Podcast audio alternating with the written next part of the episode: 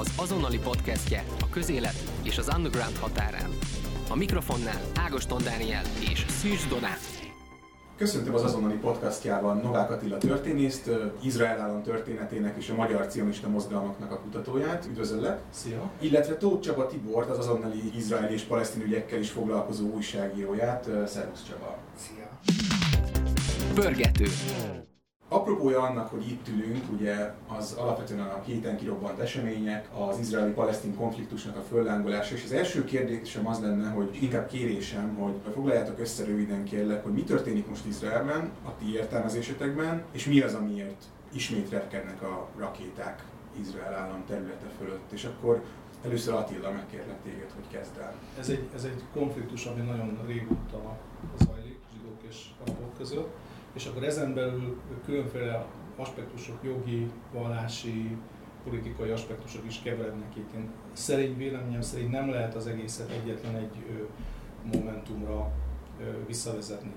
Tehát a, a gázai, Gáza és Izrael között már, már több háború zajlott, kettőt én is átéltem kén Izraelben, tehát tudom mi az, hogy jó helyre menni, és mi az, hogy rakétáznak, meg azt is akkor láthatja az ember a másik oldalnak a a veszteségeit, ugyanakkor ez egy, egy nagyon régi konfliktus, amely újból és újból fel, is mondjam, kirobban. Ami az egészet kirobbantotta, ezt mondják ezt a Jeruzsálemi negyedben, a Sheikh Jarrah nevű negyedben a családoknak a, a kiköltöztetése, de én azt gondolom, hogy persze ez nyilván, hogy ez, ez egy nagyon problémás dolog, ugyanakkor ez az egész, mint hogyha űrügyként szolgáltatott volna, vagy szolgált volna arra Hamasnak is, hogy mondjuk megmutassa azt, hogy ő hogy ő a vezér ebben az egész palesztin narratíva kidolgozásában, és nem a palesztin nemzeti hatóság hirtelen elválasztotta az esedékes választást, tulajdonképpen túlnyomó többséggel jelenlegi elnököt szoktam megerősíteni.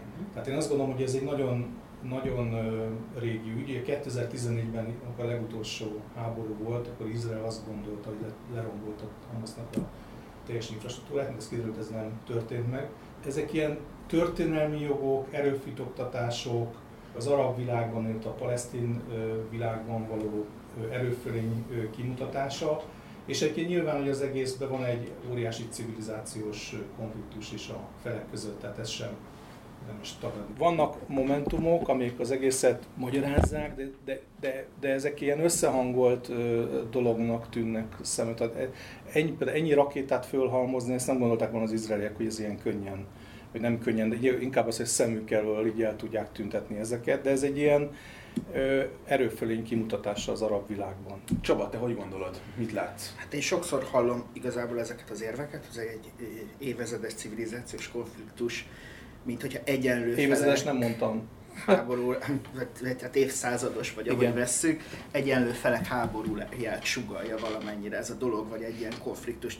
De a, a valóságban látnunk kell, hogy amikor palesztin területekről, vagy palesztin hatóságról, vagy Gázáról beszélünk, Gáza az egy izraeli hadsereg által körülzárt, akkor majdnem tökéletesen körülzárt enklávé, tehát egy ilyen zárvány, a nyugati parton, vagy Cisjordániában meg egyszerűen izraeli hatalom van. Ez egy teljesen egyenlőtlen, egy nagyon-nagyon modern, reguláris hadsereg, amely gyakorlatilag békeidőben is úgy támogatja ezt a fajta ilyen térfoglalást, földfoglalást, beköltözést minden palesztin város körül. Tehát, hogy annyival gyengébb az egyik fél, és ez részben magyarázza a Hamasznak a létét és tevékenységét is, hogy annyira nem eszköztelen és gyenge az egyik fél, és annyira erős és az akaratát annyira ahogy így az évek előre haladnak, könnyebben tudja érté- értékesíteni vagy érvényesíteni a másik fél, hogy ez, ez nem lehet a hagyományos háború, meg hagyományos konfliktus Ugye, kereteiben értelmezni. Várjál, bocsánat, hogy kiigazítalak, és elnézést a tegeződéset, itt a műsor előtt összetegeződtünk, tehát ez nem egy ilyen haverkodó van. Tehát figyelj, az, a Gáza övezet nem csak Izrael, hanem Egyiptom által is köz, körbe van zárva. Tehát egyik részéről Izrael, másik részéről Egyiptom. Nem, nem egy, Kettő nem azért, a, azért az, hogy kierős, tehát azt gondolom, hogy, hogy nem, tehát attól valakinek nem lesz igaza, hogy a GDP-je kevesebb, és, és tehát hogy ez, ez egy nagyon veszélyes terep, mert ilyen alapon mondjuk a, egy, a fejlődő világban nem lesz egy bármelyik diktatúrában nyilván nagyobb igaza van, mint mondjuk egy fejlett nyugati országnak, hiszen, hiszen szegény. Hát ha a szuverenitása teljes mértékben biztosított, akkor nyilvánvalóan ugyanúgy kritizálható. Viszont ez a helyzet számomra, ugyancsak sokat foglalkoztam, például a Törökország és a kurdok helyzetére emlékeztet, ahol, ahol, ahol gyakorlatilag teljesen egyenlőtlen, aszimmetrikus háború folyik, van egy gerilla háborúszerű jelenség, és azzal szemben van egy óriási reguláris hadsereg. Csak Bocsánat, hogy közbeszólok, az erőviszonyokra mindenképpen ki fogunk még térni, viszont mind a ketten említettétek a házfoglalásokat Kelet-Jeruzsálemben, amik most konkrétan a nem tudom, utolsó szikra voltak abban, hogy ismét ez a, ez a konfliktust felízzon. Beszéljünk erről kicsit. Mi történik Kelet-Jeruzsálemben, kik ezek a házfoglalók, és, és mit akarnak ott? Attila. Tehát ezek a házfoglalások új zaj, ugye, ugye ezek a területeket 1960-ban Izrael elfoglalta, nem Palesztinától, hanem Jordániától, tehát ez, itt megint azért vannak problémák ezzel kapcsolatosan. Itt ezek ilyen nagyon furcsa közigazgatási területek, mert gyakorlatilag izraeli katonai közigazgatás alá tartoznak, viszont az ott levő mondjuk ingatlanok a jogállása az, az megint nagyon érdekes, mert van egy ilyen izraeli törvény, hogy 1948, vagy azok a családok, amik 48 előtre vissza tudják vezetni a tulajdonjogokat, azok perelhetik a, a benne lévőket. Most Izrael azért nem egy, tehát, egy, tehát az is, hogy ezek a családokat kirakják és beköltöztessék, egy legfelsőbb bírósági jóváhagyás vagy ítélet kellett. Megjegyezném, hogy a legfelsőbb bíróságot Izraelben a jobb oldalon nagyon bírálják, mert hogy szerintük túl liberális, túl baloldali, sőt a mostani kormányígéretek az, hogy meg kell regulázni őket, minél több jobboldali bírót kinevezni, stb. stb. Ezeket a vitákat ismerjük a világ más ö, ö, helyeiről is, és ezeket a, az arab lakosságú területre költöznek be ezek a különféle ö, hát igen, telepes, vagy ilyen jobboldali zsidó szervezeteknek a aktivistái és családtagjai. Mi az, ami rendőri katonák? Hát van az a, ezek ilyen vallási, Héberről azt mondjuk eredsz Iszrael, és nem egy teljes eredet, meg, gyakorlatilag meg kell hódítani egész, egész, egész, egész Izrael, de hát ezt a jog azért korlátozza, tehát hogy azért ez nem olyan egyszerű ez a dolog, és folyik egyfajta ilyen terjeszkedés, ami azt jelenti, hogy ezek a szervezetek újabb és újabb lakásokat de mondom, hogy ez nem úgy megy, hogy oda, hogy a hadsereg ledózerolja és beül három, tehát hogy ennek azért van egy jogi processzusa de ez kétségtelen, hogy az állam által ezzel nem ellenséges. A legfelsőbb bíróságként meg tud akasztani ilyen folyamat, mert ugye a legfelsőbb bíróságként az, az egy, egyébként egy elég, ott vannak baloldali, meg liberális, meg nem tudom, tehát több beállítottságú. Tehát, tehát volt egy ilyen határozat, hogy, hogy kik egy, egy napon belül pár, négy családnak ki kell költözni, tehát be volt ígérve még továbbiaknak a kiköltöztetése, és akkor, és akkor ugye, meg, ugye Ramadán van, meg Ramadán vége van, tehát az is, hogy ilyenkor azért egy más idegállapotban van a muszlim lakosság. Most nem azért, mert hogy ők valami egészen kölgés pszível rendelkezik, kétségtelen ez egy, ez egy sokkal robbanásszerűbb helyzetet szokott elidézni, sokkal inkább ilyenkor zajlik a Jeruzsálem nap, vagy Jom Jeruzsálim, amikor a vallásos cionista tábor felvonul zászlókkal, általában az van, hogy ilyen a rendőrök és a katonák nekik, nekik csinálnak egy utat, aztán utána mindenki ö, hazamegy. Ö, egy nagyon furcsaként ilyen status quo helyzet van ö, ö, Jeruzsálemben, és ez volt az egyik ilyen kirobbantója ennek a válságnak, illetve az, hogy a, a Hamas az a ultimátumot adott Izraelnek, hogy a, kitörtek a zavargások, egyébként amik nem most kezdődtek, hanem régebben, az elmúlt hetekben, hogy vonuljon le a templomhegyről, Haram Sharifról, egyáltalán ezt a, ezt a Sheikh Jarrah negyedet is hagyja, stb. stb. És amikor az nem, akkor utána jöttek a rakétázás és az eszkaláció, de mondom, az ember itt nem tud elvonatkoztatni attól, hogy itt a, a Hamasnak mindig így jelenti be az igényeit, uh-huh. és mhm. nem csak arról, hogy Izraelt legyőzze, mert ezekkel a rakétákkal nem tudja ö, legyőzni, hanem az, hogy ki a palesztin nemzeti narratívának a jogos birtokosa. A palesztin nemzeti hatóság, amely egy ilyen, ilyen lágy, ilyen nem igazán tud mit csinálni, vagy egy ilyen radikálisabb, kemény szervezet. Ugye Csaba, te arról írsz az egyik cikketben, hogy, hogy ezeket a területfoglalásokat, kvázi ezek, ezeket alsóbb szintű bíróságok biztosan támogatják. Attila is említette azért, hogy, hogy Izrael állam, mint olyan hát legalábbis nem áll útjába ezeknek a dolgoknak. Mi az, amit te láttál a, a mostani események kapcsán? Hogyan reagált Izrael állam? A hatóságok milyen szerepet töltöttek be ebben a konfliktusban most? 2005-2006 óta figyelem az izraeli helyzetet, meg főleg az izraeli kormánynak a, a politikáját, és hát azt kell mondjam, hogy mostanra tényleg nem tudom, akkora valamikor a cionista mozgalmon belül ugye ez, ez, ez négy nagy résznek baloldali volt, szoci, szocialista, szociáldemokrata irányultságú mára, a valamikor párjának számító jobboldal és széls, különösen szélső jobboldal teljesen átvette el fölött az állam eszme fölött, úgy, úgy mondjam a diskurzust, és ez azt is jelenti, hogy nyilván nagyon fontos megemlíteni, hogy aki valaha is járt Izraelben, nagyon keveset, tehát hozzá képest például rendkívül keveset voltam ott, de még így is nagyon föltűnő volt, mekkora a helyhiány. A lakhatási válság az folyamatos gyakorlatilag Jeruzsálemben, de még azon kívül is, és ez mindenkire vonatkozik etnikumtól és mindenféle vallástól függetlenül. Ugye nyilván ebben a keretben is nem kell azt gondolni, hogy például Jeruzsálem melletti úgymond telepek jogilag illegálisak, ugye az ENSZ egy Máleadum is illegális, mert ott van ugye ez egy ilyen városrész, ami benyúlik oda a palesztin területekre. Ezeknek főleg szociális oka van, egyszerűen olcsóbb oda költözni, a kormány nagyon nagyban támogatja ezeket a dolgokat, de nem lehet tagadni, hogy például azok az esetek, mint Sheikh Jarrah, az, azoknál az irányító eszme az mégiscsak egy ideológia. Ugye oda mentek, voltak riportok, az oda beköltözni vágyokkal, az izraeli jogot érvényesíteni akarókkal, ők, ők konkrétan ideológiailag arról beszéltek, hogy a visszatérés Cionban azt jelenti, hogy nem lesz külön Kelet-Jeruzsálem arabokkal, hanem egész Jeruzsálem olyan lesz, mint Nyugat-Jeruzsálem. Erről beszélt ott az egyik aktivistájuk.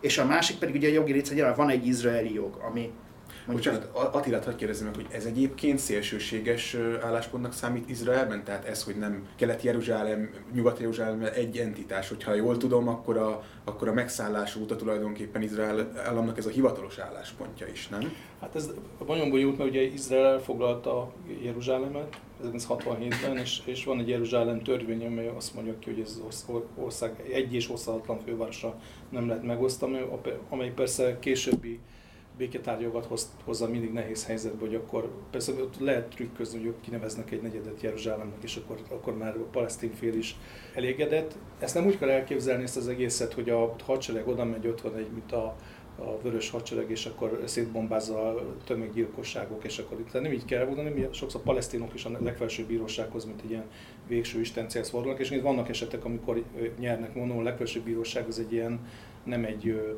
hát nem tudom, tehát, és ezek a az nagyon fontos, hogy ezek a szervezetek, amik csinálják, ezek az izraeli politikai palettán a szélső jobb oldalhoz tartozó szervezetek, azok kettőt mondanak itt, amelyek ezeken, ezekben részt vett. Az más kérdés, hogy most már parlamenti képviseletük is van. Ezt akartam kérdezni, hogy mekkora a támogatottságuk ezeknek a szervezeteknek például? Hát ezek a te, az a fura egyébként, hogy egyrészt a telepes, bár a telepes mozgalomban van egy nagy pártjuk, hogy ez a Naftali Bennett féle párt. És nagyon érdekes egyébként, hogy a, hogy a korábbi arab terrortámadások áldozatainak a rokonaiból is tevődik össze egy ilyen szélső jobb támogató réteg, amelyiként pszichológiai nyilván érthető és ő, magyarázható.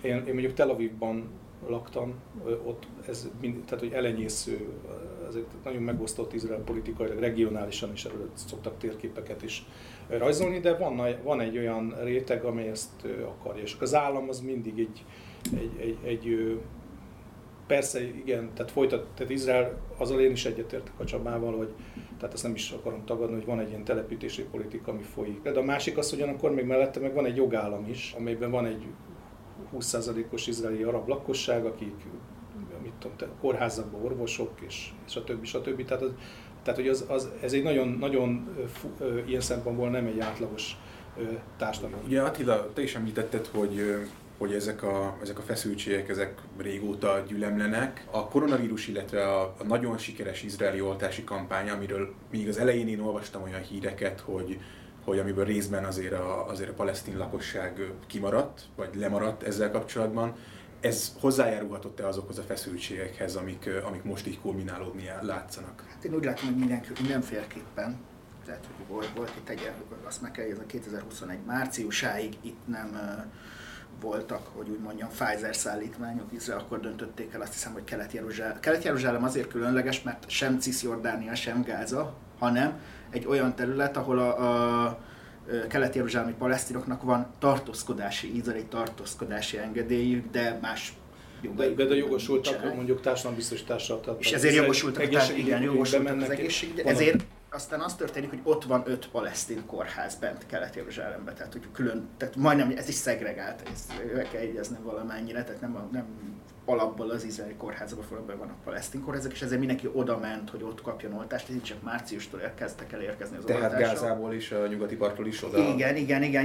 Jellemző, hogy hosszú, hosszú, hát még Gázából nagyon nehéz szerintem, de még talán onnan is, de a Cisjordán városokból, ugye, amiket szoktunk hallani a hírekbe, Jenin, Nablus, ezekről a helyekről nyilván Kelet-Jeruzsálemben mennek át oltásért, de nyilván nincs elég, tehát hogy ott, ott több millió emberről beszélünk mind a két oldalon, és, és az átoltottság meg szinte sehol sem tart. Még az oroszok küldtek ugye Sputnikot, de hogy egyik szállítmány se volt el, el, elég egyáltalán ahhoz, de hogy igazából nem is ott történnek most az a nagy villongások, a nagy lázadások, hanem az izraeli az izraeli arab városok, izraeli arab városi lakosság. Amiről meg eddig azt hallottuk, jobban az volt a, hivatalos izraeli stratégia, valamennyire az állami stratégia is az elmúlt tíz évben, hogy ezek nem úgy palesztinok, körülbelül három részre tagoljuk az egészet. Vannak a gázaiak, akik ugye a Hamas uralkodik gyakorlatilag felettük egy ilyen totalitárius módon, vannak a, a, a cisjordániak, akik a palesztinok, és vannak az izraeli arabok, akik a, ugye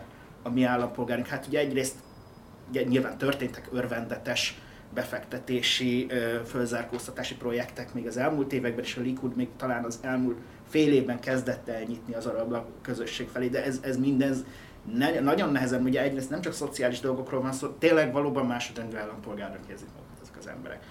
95% a legelmaradottabb városoknak, vagy negyedeknek Izraelen belül az az arab lakosság által lakott, körülbelül egy ilyen 30%-uk 29 év alatti, és, és hát tényleg azt kell mondani, hogy jogilag is konkrétan intézményes diszkrimináción belül élnek, és most egy olyan pillanat jött ez óri, óriási, óriási, hiba volt, óriási hiba volt például az az, hogy az Alakszánál, amit eszkaláltak konkrétan az izraeli hatóságok, vagy Sheikh Jarrah eszkaláltak, sok ilyen volt előtte és utána is. Egyfajta jelképé vált, és most azt látjuk valamennyire az utcákon, hogy legalábbis az izraeli a népesség egy része ugyanúgy palesztinnak érzi, és ugyanúgy ennek az ügynek a, a tagja vagy része, mint azok, akik mondjuk a betonfalon, ami 2005-8 között fölépült, belülesnek. Tehát, hogy volt egyfajta ilyen próbálkozás, hogy elő, ők, ők, ők mégiscsak több jogot kapnak, mint azok, akik a fal mögött vannak, így aztán nem ugyanúgy fogják érezni magukat. De hogy végül is nem egy, egy egyfajta ilyen palesztin identitás ugyanúgy megőrződött a határ. Attila, te ezt hogyan látod, mondtad, hogy Hát én ezt nagyon máshogy látom, szóval én azt gondolom, hogy, hogy, hogy ez egy különféle, még az Uri Avinéri, aki a izraeli békemozgalomnak volt, a Shalom Ásárnak a idején a azt hiszem még él a alapítója, még ő, ő is az egy két tortának látta ezt az egészet. Szóval az izraeli arabok ellen intézményes diszkrimináció nincsen.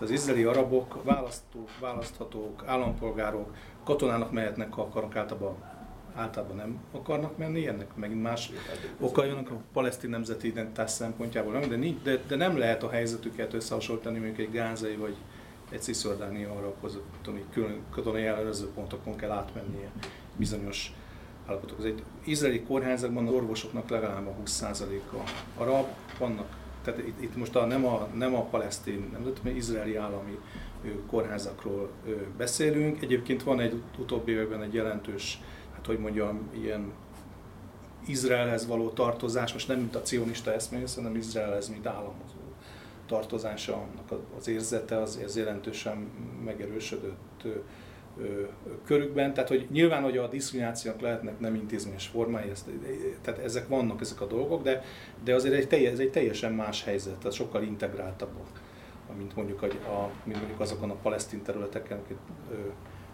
falval aztán a másik az, hogy itt azért nem, tehát hogy azt gondolom, hogy igen, persze, hogy a, az, az, akinek gazdagabb és több a fegyvere és nagyobb a befolyása, azok nagyobb a felelősség is, de azért nem szabad attól elvonatkoztatni, hogy ez az egész palesztin folyamat úgy omlott össze, hogy iszonyatos ilyen merénylet hullám rázta meg folyamatosan Izraelt, és ez mind eltolta az egész közvéleményt jobb oldal felé. Most az egész jobb oldal kérdés is szerintem bonyolultabb, az egész világon a bal oldal óriási válságban van. Most nyilván vannak egy-két országban, nem, de, de akár Magyarországon is. Tehát, hogy itt ez egy, ez egy, ez egy világjelenség, ez az egész a a, a, a jobb oldal előretörése, és egyébként a palesztin, a izraeli baloldal meg nagyon hozzákötötte magát ez az oszlói tárgyalásos béke folyamathoz, amikor az összeomlott, akkor ez nagyon-nagyon meggyengültek és, és összeestek, és mondom, hogy az volt az izraeli polgároknak az az élménye, hogy volt, akik közös, mondjuk a, kimondta a szerződés, hogy, hogy a, az oszlói szerződés közös járőrszolgált, és az egyik fejbe lőtte a másikat, általában a, a, a, a palesztin, hogy, tehát hogy nagyon, nagyon nehéz, egy, egy olyan bizalmi helyzet, hogy a falépítés, ami nagyon csúnya, meg nem tudom elismerendő, ott azért ezeket géppisztolyokkal lőtték ezeket az utakat. Tehát hogy az volt az, hogy nem védi meg őket semmi, világnak nem tetszik, akkor nem tetszik, stb. Tehát, hogy ezek, ezek nagyon szerintem egy bonyolult pszichológiai kérdések. Az a, a, én a gázai vezet egy nagyon szerint, az egy Budapest nagyságú terület, ők tényleg be vannak zárva. Én beszéltem, dolgoztak ott magyar vöröskeresztesek is, én beszéltem velük. Tehát, hogy most az, az én információm sem csak az izraeli sajtóból származik, és nagyon érdekes dolgokat meséltek egyébként, ami messze túl megy ezen a ezen a, tehát a tank és paritja, Dávid Góliát. Uh-huh. Ott, is van egy, ott is egy elég rétegzett társadalom van, egy szűk, nagyon szűk gazdag, hát egyébként a fejlődő országoknak a struktúráira jellemző. Tehát, hogy ez egy az izraeli arabok, hogy az izraeli arab városokban törnek ki zavargások, sőt most már az, hogy izraeliek izraeli zsidók egymás között is problémának, vagy hogy izraeli zsidók is, azt se felejtjük el, hogy izraeli arab városokban megtámadtak zsidókat, felgyújtottak zsinagógákat, és, és volt olyan is, hogy, hogy arabokat támadtak meg, és arabokat. ezek olyan dolgok, amik, amik nagyon veszélyesek. Szóval itt, itt még a Netanyahu is kiállt, hogy ez, ez, ezt nem szabad csinálni, a rendőrség az nagyon nem, nem elég jól nagyon el vannak szokva ettől. Egyébként ez a pandémia inkább abban, hogy én szerintem a pandémia az mindenkinek az idegrendszerét ki, kezdi. Én szerintem egy ilyen már lefolytott helyzetben van az egész világ, és ilyenkor, pláne amikor egyéb feszültségek is vannak, én szerintem ezek így nagyon meg tudják határozni, és felszínegozzák a... Ugye tettünk több utalást is, mert mind a ketten tettetek az erőviszonyokra, konkrétan katonai fegyverkezési szempontból. Ugye itt, amit most láttunk, ezeken a nagyon látványos videófelvételeken az az volt, hogy hát elsősorban a gázai övezet felől repülnek a, a rakéták Izrael felé, ezeket szedi le ugye ez a vaskupola rendszer, ez a rakétavédelmi rendszer, ami, ami pont erre hivatott, hogy ezeket a, ezeket a rövid hatótávolságú rakétákat semlegesítse. Egy ilyen helyzetben, ahol onnan jönnek a rakéták, másik oldalon meg jönnek a, a válasz légicsapások. Egyrészt van értelme azt összehasonlítgatni, meg van értelme egyáltalán azt vizsgálni, hogy, hogy melyik oldalon hal meg több civil. Ez az első kérdés. A másik pedig az, hogy, hogy konkrétan katonai szempontból van-e olyan ország, hatalom vagy nemzetközi szervezet, aki, aki ennek hatékonyan képes megállt parancsolni, vagy ki lehet az, kik lehetnek azok az erők. És Attila, akkor most kezdtek kérlek. Hát nézd, nyilván, hogy, a, nyilván, hogy az, a áldozatokat mindenki számolja. Tehát hogy ez, azt, azt gondolom, hogy akár akarjuk, akár nem, ezek mindig ilyen tények maradnak mind a két oldalon, hogy lehet, hogy hol hányan haltak meg. Nyilván, ahol a, a, a, hogy is mondjam, több a fegyver egyrészt, másrészt a lakosság sokkal sűrűbben él, ott több az áldozat nagyon nehéz. Én, én, én ezekben az egyenlő, tehát én azt gondolom, hogy annak nem lenne sok értelme, hogyha a palesztinoknak is adnánk atomra fegyvert, meg nem tudom. Tehát, hogy az gondolom, hogy akkor még több halott lenne, mert akkor még nagyobb lecsapások lennének. És nyilván abban, látva az ENSZ-nek a libanoni ténykedését, azt se hiszem, hogy az nagyon meg tudna akadályozni bármit is, hiszen ez mondjuk a, az simán félre tudják tolni, hogyha éppen az izraeli hadseregről van szó, akkor, tehát hogyha nagyon akarok, akkor félre tudják tolni a békefenntartókat, és a békefenntartók meg igazából nincsenek olyan, olyan fegyverek, de egyébként a Hezbollah is, tehát hogy igazából nincsenek olyan eszközök a kezükben, amik meg tudják akadályozni. Itt valami nagyhatalmi nyomásnak kéne következnie, ami egyébként egyébként már szerintem már elkezdődött, és most egyébként ezek az intenzív izraeli katonai mozdulatok is szerintem arra utalnak, hogy még mielőtt kitör a tűzszünet, még azelőtt egy ilyen kész helyzetet teremtsenek. De egyébként a miricskérésnek nyilván mondom, ezt nem lehet leállítani, és mondom, hogy egyébként nagyon szomorú. De egy ilyen helyzetben, mondom, amikor egy ilyen iszonyatosan sűrű lakott területet támad egy egy fejlett hadsereg, a másik oldalon ők rakétáznak bele a világba, viszont egy szintén fejlett rakételhárító rendszer meg lesz. Egyébként ha nem szednél, akkor azért sokkal több áldozat lenne. Tehát én Tel Avivba átéltem egy 60 napos ilyen történetet, annak mondta, négyszer rohangáztunk az óvóhelyre. Tehát hogy azt, azt is, hogy ember nagyon sajnálja, de hogy, hogy, a, hogy azoknak egy kicsit magasabb a GDP-jük, azok is meg tudnak halni. Tehát, hogy ezért ez nem egy olyan vidám helyzet az egész így élni. Én inkább az a kérdés, hogy, hogy, hogy hogyan tovább. Tehát, hogy most, most a morális súlyt, hogy hova helyezzük, az egy kérdés, de hogy mi lesz a gázai jövezet sorsa, vagy mi lesz annak a területének a sorsa. Egyáltalán, hogy a palesztin lakosság helyzete hogyan alakul. Ezek, ezek szerintem az igazán nagy kérdések. Itt néhány dologra azért így reflektálnék, igen, valóban nem tehát hogy tényleg szavazhatnak is, de hagyományosan ugye nyilván a szavazat elnyomás is láttuk izraeli választás az arabok ellen, mondjuk talán éppen a legutóbbi ide öt választás vezetett oda, hogy végül valaki megszólítsa őket. Másrészt meg ugye nyilván a rendőrség szerepe itt nagyon fontos, ugye nyilván van, van egyfajta ugyanolyan intézményes megkülönböztetés, mint nálunk, az amerikaiaknál, hogy, hogy, hogy az arabokat sokkal többször állítják, meg sokkal többször fogják csekkolni, sokkal nagyobb az esélye, hogy dolguk lesz a törvényel. Rendszeresen most már arab bűnözésről megy ugye a narratíva, volt egy ilyen, például Lod nagyon érdekes, 2010 óta falválasztja, ott is a, a kriminalisztikára hivatkozva egy ilyen három méteres betonfalat húztak föl, az úgynevezett arab negyedre, egy valamikor ez egy egészen arab város volt, most egy arab negyede van, ami így egy betonfal fut, így is választja el a többiektől, ugye betelepülők is voltak, tudjuk, hogy akik régen, akiket Gázából kiürítettek, azok viszonylag nacionalisták, viszonylag jobbosak, ők is oda kerültek ottba, tehát hogy ott egy ilyen nagyon hosszú előtörténete van. Ez, ez hol van ez a város, hogy bocsánat, csak hogy ez Lod, ez, hogyha, hogyha valaki repülővel megy Izraelbe, ott a Ben Gurion reptér, az amelletti város, ami most már Izrael része, hogy úgy mondjam, belül van Izraelen, és egy körülbelül egy ilyen 40, 45 perc Tel Aviv központját, egy elővárosnak is nevezhető valamennyire talán, nem tudom. Itt most jelenleg már csak 30, 70 ezres város, 30% az arab lakosság, de hogyha mondjuk a másik oldalon meg Gázáról beszélünk, budapesti terület 4,7 millió emberrel. 5400 a népsűrűsége, mi Budapestnek nem tudom, 3300. És visszatérve akkor az áldozatok számához, meg ilyesmi, hogy akkor te is ennek tulajdonítod egyébként azt, hogy... A kialakult helyzetért, tehát nem lehet azt mondani, hogy csak kizárólag a hülye grad rakétáink kívül viszonylag eszköztelen és tárgyalásképtelen Hamas felelőssége az, hogy 4,7 millió ember egy budapesti területen fölülről bezárva totálisan elhúzva, és gyakorlatilag 8 évenként most már lerombolják. Most, most, most éppen a félvárost rombolják le, tehát még, még keményebb, mint 2014-ben mindenki azt mondja. Tehát, hogy konkrétan folyamatos terrorban élni ott egy ilyen helyen, egy ilyen akármilyen társadalmi felépítésű lakosságnak, hát ezt tudjuk, hogy pontosan, hogy, hogy annak a felelőssége, aki rendszeresen légitámadásokkal megy oda, Persze nyilván jönnek onnan a rakéták folyamatosan, rendszeresen, de még egyik gázai háborúnak se lett az az eredménye, hogy ezt a helyzetet bárki megoldotta. Mm, Ugyanúgy mondtad, hogy nem kizárólag a, mondtad, hogy szerintem nem kizárólag a Hamász felelőssége, de nyilván a Hamásznak is A Hamász ebben... eredménye ennek az egész helyzetnek azért kerültek 2006-ban ott hatalomra, mert már annyira reménytelen volt, és annyira nem tudott rajtuk senkit segíteni, hogy csak ez a fajta ilyen értelmetlen és szerintem egy káros radikalizmus maradt. A Hamász egyébként diktatorikusan uralkodik a helyzetben. Voltak tüntetések, például élelmiszerárak miatt volt egy élni akarunk mozgalom, szana szétverték a saját városlakóikat. Konkrétan minden, minden napos terror, konkrétan, ahogy te említetted, harmadik világbeli viszonyok, Askelontól nem tudom hány 10 kilométerre. Attila, ez, ez, nem, ez, a, a ez Hamász, nyilván, hogy nem alakul. Hamász népszerűségének az okát, azt te is ebben látod, amiben Csaba, vagy? Hát én azt gondolom, hogy ugye az, az a Gázához hozzátartozik, hogy 2005-ben ugye egy izraeli fennhatóság alatt álló terület volt,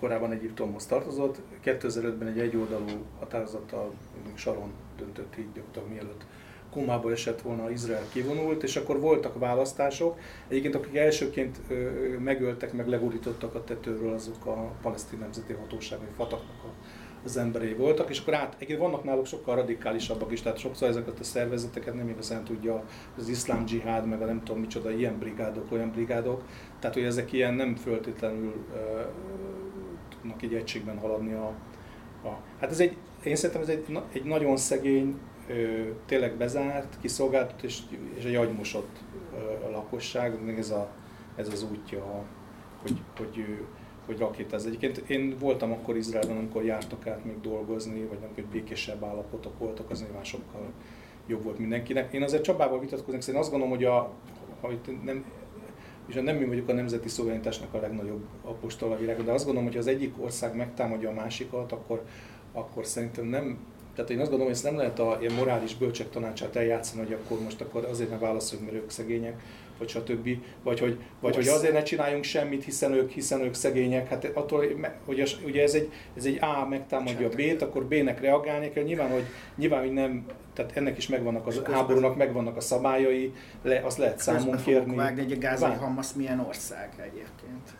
Hát ez egy kérdés, hogy milyen ország. De kérdés, hogy, ez kérdés, az, hogy ez az ország. Ez az, hogy országok ez a felelősség nem... kérdését újra felveti, hogy mekkora ott kinek a de hát van egy, valójában. De ott, azért van egy, de ott azért van egy kormányzat, van valami szuverenitások. valakinek a légterét egy ellenséges hadsereg ellenőrz gyakorlatilag egészében, és, és az Na de, de hogyha az a, de, az, de hogyha ott a, ott a csapból is az, figyelj, hogyha a csapból is az folyik, hogy meg kell semmisíteni a az országot, és Irán akar, hogy minél több fegyvert oda. Ez, érted, ez nem ez ilyen... egy nagyon, igen, én is erre ez, ez, ez, egy nagyon nehéz, persze, helyzet. Nem jó lenne, hogyha saját egy ország megtámadta Izraelt, különböző, nincs Igen, csak azt mondom, hogy, azt mondom, hogy, azt gondolom, hogy ahhoz, hogy két ország nem, hogy békét vala, valamilyen szintre el kell jutni. Most az, az egyik meg akarja semmisíteni a másikat, most akkor is, hogyha csak baltái vannak, vagy csak azért az nem, egy, nem lehet akkor kinyitni nekik, hogy, hogy gyere be a lakásba. Hát én szerintem van, van egy egyszerű, tehát hogy van egy egyszerű, tehát én, én egy ilyen gerilla háborús lázadó helyzetet látok, ahol azért a katonai ellenőrzés, a katonai fölény és hogy úgy mondjam, átnézet és mindennek a kommandírozása az azért Izrael és az izraeli véderő vezérkarának kezében van. Ha Cisjordániáról beszélünk, Hagázáról beszélünk, de ilyen, ilyen szempontból két oldal vagy két hadsereg, tehát hogy van egy, egy, egy ilyen nagyon brutális lázadó gerilla alakulat ott, aminek a helyzet elég bizonytalan mindig egyébként és hogy annak, annak a felszámolásának a kísérletei, amelyek sose jönnek össze, mert mindig ugyanúgy, tehát új erőt szív a földből, fölépíti magát. Most is volt ugye volt az Al Jazeera egy ilyen elég pofátlan dokumentumfilm, ahol az Ismail Haniyeh, ugye ennek a főnöke ennek a Hamasnak, vagy hát ez tulajdonképpen Gáza de facto vezeti, eldicsekedett, hogy mennyi grad és, és, és iráni Fajr rakétájuk van, az is valahogy oda bejutott, tehát egy tényleg nem, nem képes Izrael teljes egészében ellenőrizni, de amikor Várjál, ilyen de a egy részén Egyiptomot vannak csempészalagutak, Amúgy be vannak robbantva Egy részük, de azért mindig újabb. Rafaknál, tehát hogy igen. Tehát én azt gondolom, hogy ezt nem lehet egy kormánytól elvárni, hogy egy vele, egy vele ellenséges ország állampolgárait korlátlanul engedje. Tehát, hát ellenséges. Nem, hát figyelj, ez a... Ellenséges terület, ami, aminek nincs országszerű jellege, tehát nincs szuverenitása. Tudom, hogy lehet jó, igen, persze. Kormánya. Az, az más, hát a kormánya van. Hiszem, hát jó, hát igen, van egy ilyen regionális vezető banda igazából, vagy nem tudom. De, Ez, úgy vezzük az egész arab világot, ilyen franciák, angolok, húzták körzővel, vonalzóval. A különféle országhatárokat, törzs, hát törzsi államokból így, tehát ez nagyon mélyre vezet vissza ez az egész, de azt gondolom, hogy, azt gondolom, hogy azért olyan állapotokat is meg, meg kéne teremteni, hogy egyáltalán ne, ne forduljon az elő, hogy mit tudom, hogy valaki bejön, aztán leszúr valakit, vagy fejbelő valakit, vagy Nyilván, és hiába, nyilván, te, így van, nyilván azért erő, te erősebb, vagy azért van felelősség, azért nem, azért nem, nem lehet ezek Izrael nem az egyetlen ország, ami komoly terrorfenyegetéssel néz szemben minden Például most a, és, nekem ez nagyon viccesnek tűnt, hogy a... Vannak antiterror eszközök arra, hogy ez, ez átlátható. Hát ez nem olyan, nem olyan megoldható legyen Ez nem olyan egyszerű, mert be kell, akkor, akkor be kell menni a hadseregnek, akkor ott házról házra, akkor rengeteg halott van, és semmelyik izraeli politikus nem meri megkockáztatni, könnyű a bombázgatni. Hát most jelenleg is van, hát igen, ez folyik de a lázadások. Én figyelem a... Bocsánat, hogy közbeszólok, csak szerintem itt, itt, itt, tök világos az álláspontotok, igen, hogy igen, meg igen, az, igen. hogy a hallgatóknak, itt mi, a,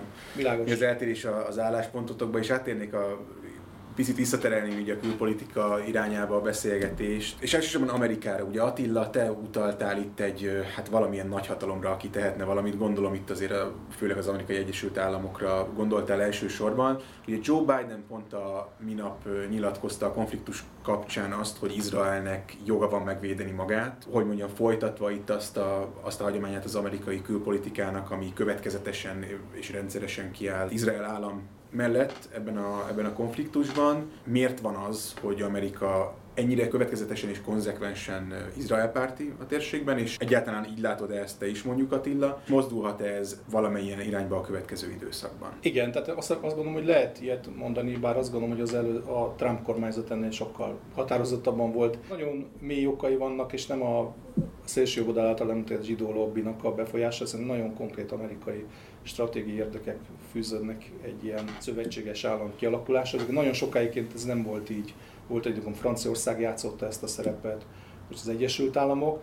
Vannak nagyon kemény amerikai belpolitikai tények, amik főleg az amerikai jobboldalnak, neoprotestáns jobboldalnak, a republikánusok, főleg a republikánus párt körül vannak a ideológiai elképzelései a világról, ez a biblikus fundamentalizmus, amely szintén erősen, ugye ez főleg a Trump körül volt jelen, de azért ez befolyásolt az egész amerikai külpolitikát, és persze van ennek egy hagyománya, tehát kialakult, tehát ezzel nem nagyon akarnak szemben. Egyébként van egy másik, hogy Szaudarábiával is nagyon barátságos. Kicsit kifejtenéd ezt a biblikus fundamentalizmus, mert, mert, szerintem izgalmas, hogy ez így mit jelent az amerikai konzervatív oldalon, ez az elképzelés? Vagy... Hát ez olyan, ez a, hogy a, hogy a, hogy a zsidóság Isten választott népe, egy országot, azt meg kell őrizni. Tehát, hogy ez nagyon könnyen kapcsolódik a politikai cionizmushoz ez a fajta ilyen biblikus hit. Ugye a hídgyülekezeténél is jelen van ugyanez Magyarországon. Ez tehát a fajta keresztény, karizmatikus, keresztény, karizmatikus igen. Tehát a karizmatikus igen, ez a választott, választ, hogy, és, és akkor ez nem jelenti azt egyébként, hogy, mert mondom, hogy Amerikának például kiváló kapcsolatai vannak, mint a Szaudarábiával, meg nem tudom.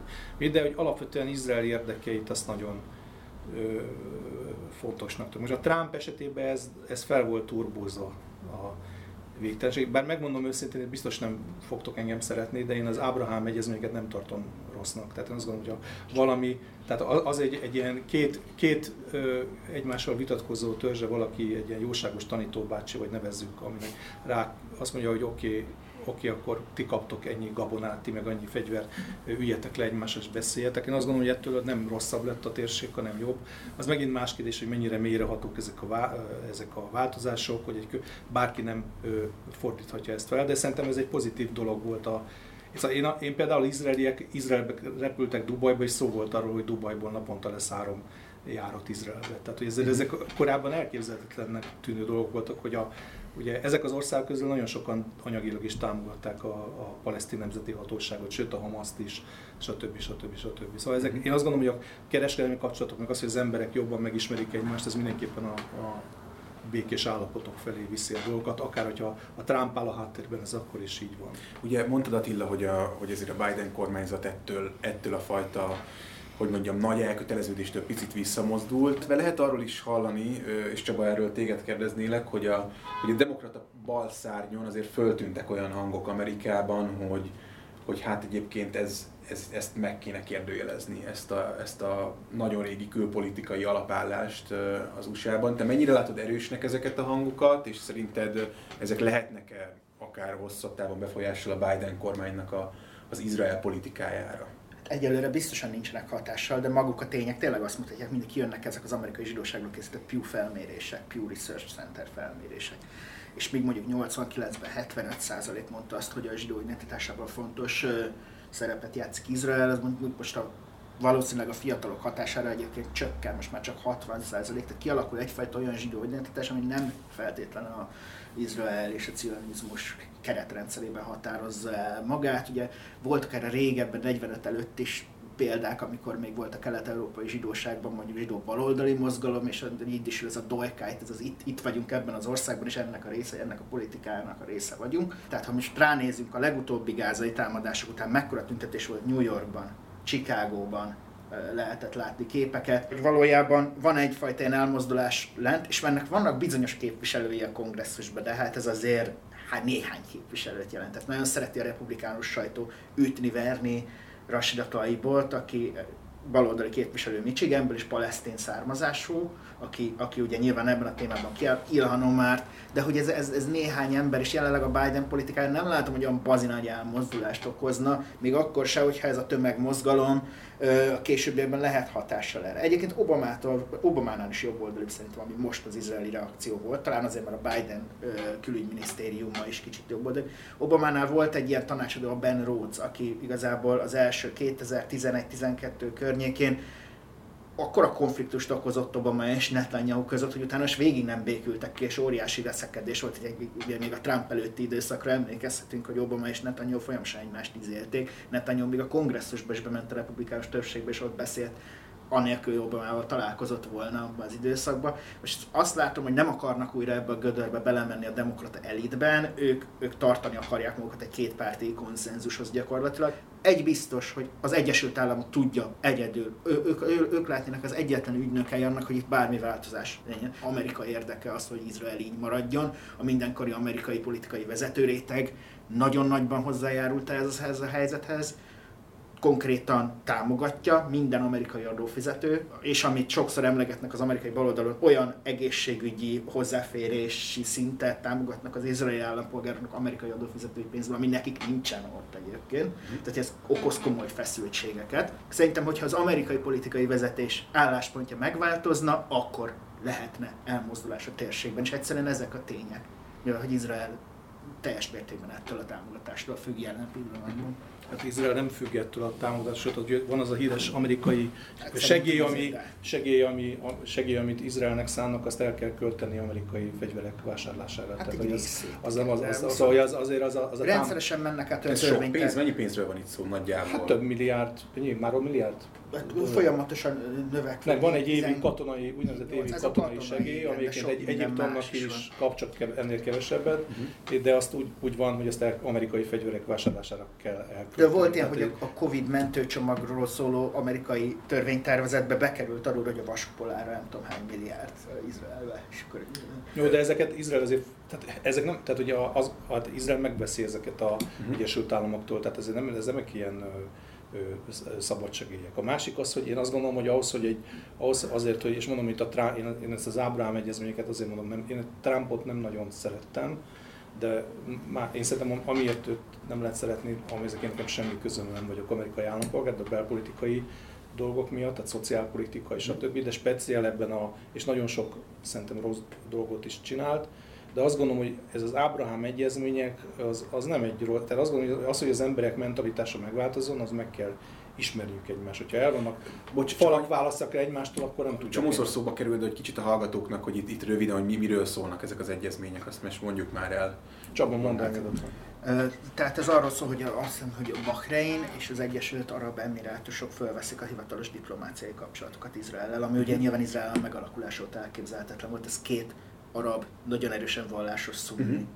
Államalakulat. Újabb és újabb országok is csatlakoztak, kisebbek, nyilván Szaúd-Arábia nem fog egy ilyenhez csatlakozni nyíltan valószínűleg ma még. És ez, ez egy olyan helyzetben, ez Jared Kushner Trump veje, ugye az, aki igazából dílelte, ez lett a vége az egyébként sokkal grandiózusabb közel-keleti terveinek.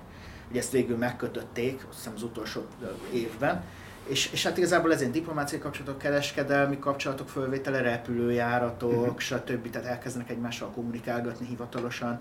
Elkezd valóban úgy tűnni, hogy Izrael egy, egy közel-keleti állam lenne, nem pedig egy ilyen mindenki utál és el akar pusztítani alakulat. Ugye nyilván ez hozzájárul az, hogy Szíria romokban, tehát többé nem tud ugyanúgy föllépni, mint régen. Libanon óriási gazdasági és társadalmi válságban, tehát ott a Hezbollah például most nem tudom, marihuánát kapálgat, hogy megéljen és nem fog rakét. Tehát eddig, eddig látszik, hogy nem, nem északon nem, nem jöttek a rakéták, mint máskor. Tehát fra- három. széttöredezett a Hezbollah felől? Hát Észak-Libanon három, csak azt a tengerbe esett. Hát, de úgy tűnik, hogy Jézusom. Hát, na jó, hát akkor ezért nem hallottam róla semmit. Na jó, de hát azért nem nagyon látszik életjelek a Hezbollahtól így foglalnak. És akkor e- erre, a, erre az egyezményre... És elég fragmentálódott a muszlim világ, és, és ebben a helyzetben bizonyos öböl államok például úgy döntöttek, hogy ez az, az, ez a másik oldalon miért, miért gondoljuk azt, hogy az nagyon jó, hogyha a fragmentációt, hogy a közös nevezőt az Izrael gyűlölete határozza nem, meg, és nem az, hogy a saját problémáit. Egyáltalán nem jó, de azért rendszeresen, amikor jönnek a képek, az a lakszát szétverik, tényleg évvel könygázzal ablakok kitörtek, ez, ez látszik Jó, csak a videón, mondom, nagyon, és én az, mondom, hogy könnyű, szaudiak, könnyű, csak azt a videót látják, amit Jó, de könnyű, Egyrészt én ezt a Hamaszt, meg ezt a népi gerilla dolgot, én ezt nem hiszem, mint azt gondolom, hogy itt nagy, azt gondolom, hogy ők megrendelnek, azt gondolom, hogy ott mindenféle, mindenféle segélyekkel megrendelnek ilyen tüntetéseket a saját politikai céljaik Tehát, hogy az egész tüntetést ők szervezik és ők irányítják. Hát ez nem, nem tudom, nyilván van ebbe egy elég, nyilván az a Sheikh Jarrah ez úgy hatott, de, de én azt gondolom, hogy, azt gondolom, hogy, azt gondolom, hogy ott megszervet, tehát azt gondolom, hogy van egy ilyen... Hamasnak Izraelen belül ekkora népi befolyása nincsen szerintem, sőt, inkább az, a fiatalok inkább kritizálják csinálják. Hát mindenki tudja, hogy bloggereket, meg mondjuk a demokratikus reformokat követelő palesztin bloggereket tartóztatnak és zárnak börtönbe, ezt Izrael, Izraelen belüli palesztin közösség tudja a legjobban, hiszen ők szabadon össze, hozzáférnek az info. Nem hiszem, hogy annyira ellenének ájulva, vagy meg tudna szervezni egy ilyet a Hamas Gázán kívül. Egy hát pedig ez nem olyan, szerintem nagyon, nem olyan nagy. Vannak, vannak kommunikációs csatornák, és nem, nem. Van, vannak más arab országok is, ahol ezek... Tehát akkor, jól értem, akkor te, te azt állítod, hogy ezek, ezek de, hogy mondjam, a zavargások keltésében nagy hát hatása van, van a Vannak zavargások, amik nyilván van egy elégedetlenség az jelentős, és van egy, van egy elégedetlenség, amit lehet fűteni uh-huh. más, más eszközökkel is, politikai célok érdekében. Nem valami nagy sátán, hanem egyszerűen egy, egyszerűen egy, egyszerűen egy politikai pont Trump és a Brexit óta tudjuk, hogy lehet elégedetlenségeket szítani, de ahhoz kell elég alap is szociálisan, érzelmileg, vagy kell. Ez szerintem Izraeliben is hát Szociálisan, de melyik, melyik arab országban, az arab országban jobb az életszínvonal? Hát jó, de hát ez, Tehát azt gondolom, hogy, ez nem, nem teljes, úgy jön össze, hogy figyelj, a teljes fejlődő, a teljes fejlődő fejlett világnak a problémátikáját és az ellen nem, nem tehát, hogy, tehát, hogy itt nagyon, nagyon kemény, nagyon ez nem kemény úgy gazdasági... gondolkozik a jaffai palesztin vagy arab, hogy jaj, Teheránban milyen rossz, ezért hiába szar nekem, megbecsülöm magam, hanem a saját helyzetéhez méri saját magát. Ész Jaffán együttélés van. Hát vannak arab városok. voltak ott is, Tüntetések vannak, mert a palesztin nemzeti identitás az egy ez igen, egy, de, igen, de igen. gazdasági szempontból, vagy nem tudom, én ott elég tehát ott, ott, ott nem, nem napluszban hát érzed a, magad. Vagy elmész hajfán, ott, az ott egy egymás dolog, mellett laknak az én, én, nagy, nagy, nyilván én is ugyanezt látom a saját szememmel, viszont a stat, izraeli statisztikai hivatal meg egészen más azt mondja, hogy ez, ez Na figyelj, de most akkor a izraeli statisztikaitól azt is mondja, hogy az ultraortodox lakosság is Igen, ez ugyan, ez most akkor van, hát ebből azt következik, hogy Izrael antiszemita állam, mert, a, mert, mert az mert az ultraortodox lakosságból két tíz gyerek van, kevés ember... Hát attól függ, hogy ha, de ezt mondom, hogy a, de lehet, hogy, de lehet, Csaba, de lehet, hogy ilyen dolgok is befolyásolják, mint a családmodell, a, a helyi munkaerőpiaci hozzáférés. Nyilván, Tehát, hogy azt gondolom, hogy nem csak, a, nem csak ilyen nagy, nagy kockák mozgatják ezt a világot, hanem hogy ilyen helyi dolgok is. Ultraortodox, ott, ott van Nébrak Tel Aviv mellett, 200-es város, iszonyatos, iszonyatos sűrűségben. Az nem fogja például a rendőrtől különösebben nem, de... fenyegetni, érezni magát, mint mondjuk egy arab állampolgára Izrael. Hát igen, de mondom, hogy ez az arab integráció azért sokkal előre haladottabb, mint amit itt a, amit egyébként az elmúlt hetek mutattak. Hát attól függ, igen, hát nyilván van egy szociális gazdasági integráció, az nyilván jó, Izrael egyetemeken nagyon, még nagyon sok... A munkanélküliség még mindig igen. köztük a legnagyobb egyébként az arabok között. Az ultraortodox ennek már egészen más oka van, tehát vallási. Igen, csak azt mondom, hogy ezek nem, nem biztos, hogy az állami politika... Nem oka van, hanem szociális gazdasági. Szóval Nyilván ez mérséklődött, de ez nem azt jelenti, hogy a nemzeti identitások összeolvanna. Csak van nagyon sok vitában emberek mindent, Izraelben mindent a Netanyahu meg a net. Szóval Izrael az egy sokkal nagyobb autonómiákra épülő ország, mint amit itt egy nagyvárosi, meg egyetemi autonómiák működnek. Az azt jelenti, hogy nem mindent az állam... bizonyos szempontból, hogy autonómiának nevezni. Hát lehet, oh, igen. De, az, de, de, de érted, szóval, hogy az, meg, meg, vannak baloldali pártok is, meg a média egy részese jobboldali, és a többi, és a többi. Hát Most az, hogy van egy jobbratolódás, az pedig nem csak az izraeli állapotok miatt, hanem az egész világban van egy nagy jobb. Nyilván, nyilván ez egy világfolyamat, ami Izraelben így csapódik le, és sokkal kegyetlenebbek a következő. Hol van a proletariátus?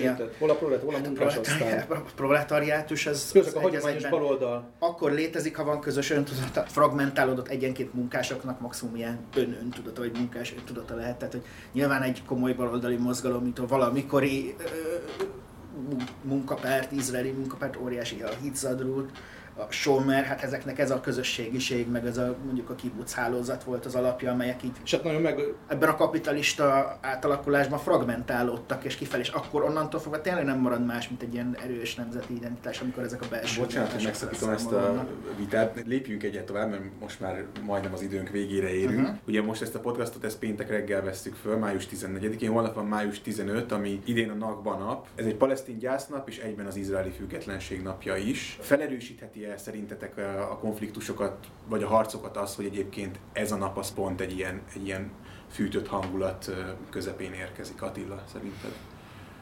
Szerintem nem. Tehát én azt gondolom, hogy ami e- ehhez képest már semmi nem, már, már kialakult egy helyzet, már kialakultak a konfliktuszónák. Azt gondolom, hogy egyébként az izraeli függetlenségi napon az történik, hogy, a, hogy, a, hogy van a repülős átvonulás, amikor a kvázi olyan, mint itt szokott a Duna fölött lenni, de az nem biztos, hogy most meg lesz. Tehát mindenki kivonul hús tögetni a, parkokba. Tehát az egész ország ilyen, ilyen, ilyen sütögető. Ez, az ez, ez az, július. Igen, tehát ez igen. az izraeli, tehát semmi katonai parádé, meg ilyesmi nincsen. A NAKba ott szoktak tüntetések lenni, de ugye vannak már tüntetések, most lehet, hogy még egy-két tüntetés lesz, de nem hiszem, hogy ez most nagyon még fel tudná tornászni a kedélyeket.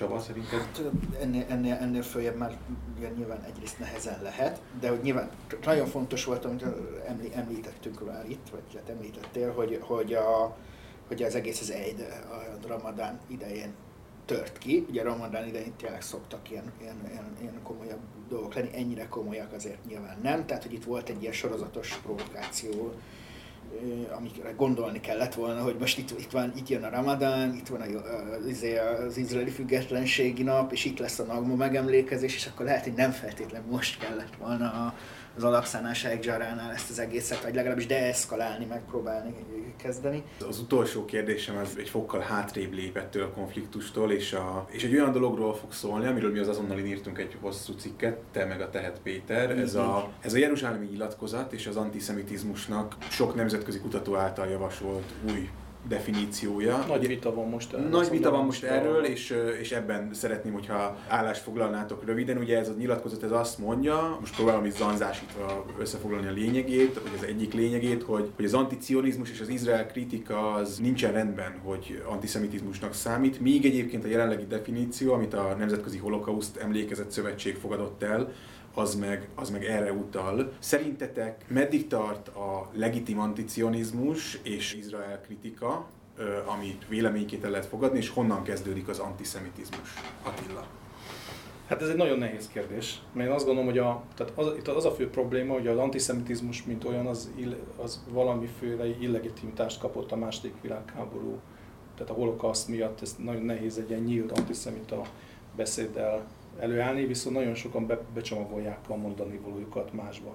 És hát sokszor ugye, és nyilván nem mindenkire vonatkozik, de vannak azért egyes csoportok, meg személyek. Tehát az ember mondjuk, hogyha a, a 15 évvel ezelőtti Lovas István, most nem kell, nem, nem kell Izraelig menni, de gondoljatok csak erre, tehát most nem, nem akarok a mai vitát. Nagyon sok minden van, ahol Izraelt eh, támadták, de igazából a, zsidóságot meg a zsidókat akarták támadni. A másik felől azt gondolom, hogy van egy olyan szintén politikai vita, ami, ami mindenféle Izrael kritikát, meg antiszemitizmusként akar elítélni, hogy ezt a vitát valahogy letítsd. Azt gondolom, hogy ez a mind a kettő egy, egy nagyon problémás dolog, egy középutat kell találni. Nekem a, az én szívemhez az ájrának a definíció közelebb áll, mert ezeket kizárja, de, én, de, de el tudok fogadni olyanokat is, akik, a, akik mondjuk, tehát azt gondolom, hogy van olyan anti, Izrael ellenesség, vagy inkább azt mondom, hogy Izrael ellenesség ez egy hülyeség, mert azt mondom, hogy Hollandia ellenes vagyok, vagy, uh-huh. vagy Amerika ellenes vagyok. Ö, olyan van egy Izrael kritika, ami egyszerűen emberjogi, meg nem tudom, megfontolásokban jogos és legitim, és nyilván van olyan, ami meg, ami meg ezt találja meg magának. Mint hogy van olyan Izrael barátság is, amely a, mondjuk a bevándorlás ellenességre, vagy muszlim ellenességre, és a többi épül. Tehát, hogy ezek, ezek itt, itt azt gondolom, hogy nagyon sok minden így egymásra van épülve, és nagyon jó, hogy ezek a, a viták vannak. Csaba, mit gondolsz?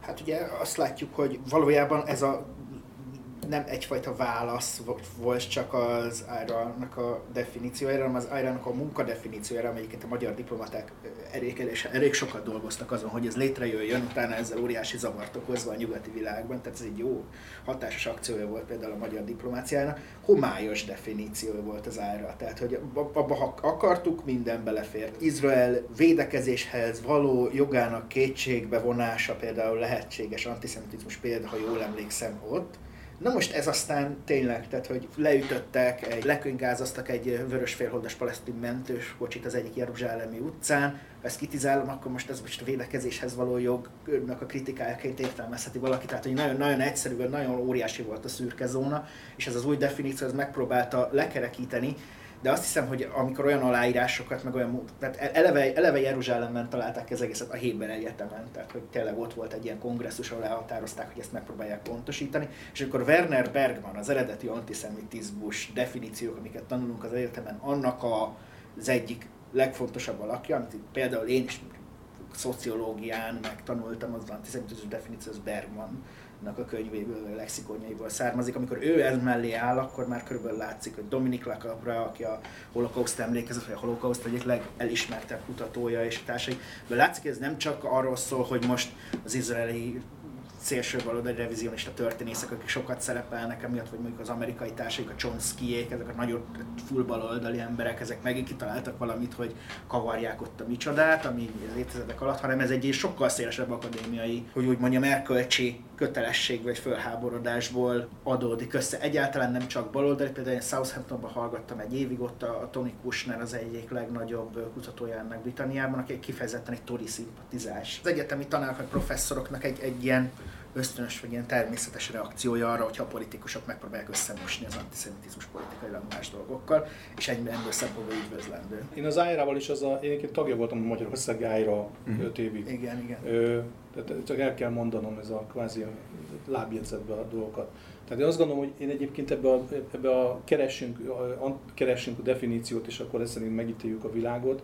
Én ezt nem nagyon szerettem, hogy nem áll közel hozzám. Az Ájra esetében sem, és Jeruzsálem deklaráció. A második, hogy én szerintem azért, mert X professzor aláírtatom, még nem lesz igazabb. Itt van egy ilyen, ez az aláírásos dinak van egy ilyen technikája, hogyha nem, nem tudom, még aláíratom még két professzor a Cambridge Egyetemről, vagy az, akkor az biztos az nagyon tuti. Jeruzsálem deklaráció nagyon többen aláírtak, akik nem holokauszt szakértők, viszont én Zájrát csak itt tekinteném egy ilyen tök teljesen köt. Én nagyon örülök, hogyha van egy, egy beszélgetés és egy vita, ezek, egy nyílt vita ezekről a, a kérdésekről. Látom Magyarországon is megindult. Úgyhogy én, ez, én, én én ezt, én mondom, az ájra definícióját én, én pont bizonyos ilyen kelet-európai megfontolások szerint talán jobban támogatnám, de én, de én azt gondolom, hogy a másik is teljesen legitim, és, és nagyon jó, hogy mondom, hogy beszélgetnek az emberek erről. Köszönöm szépen Novák Attilának és Tóth Csavacsi Tibornak, hogy itt voltatok. Nagyon köszönjük.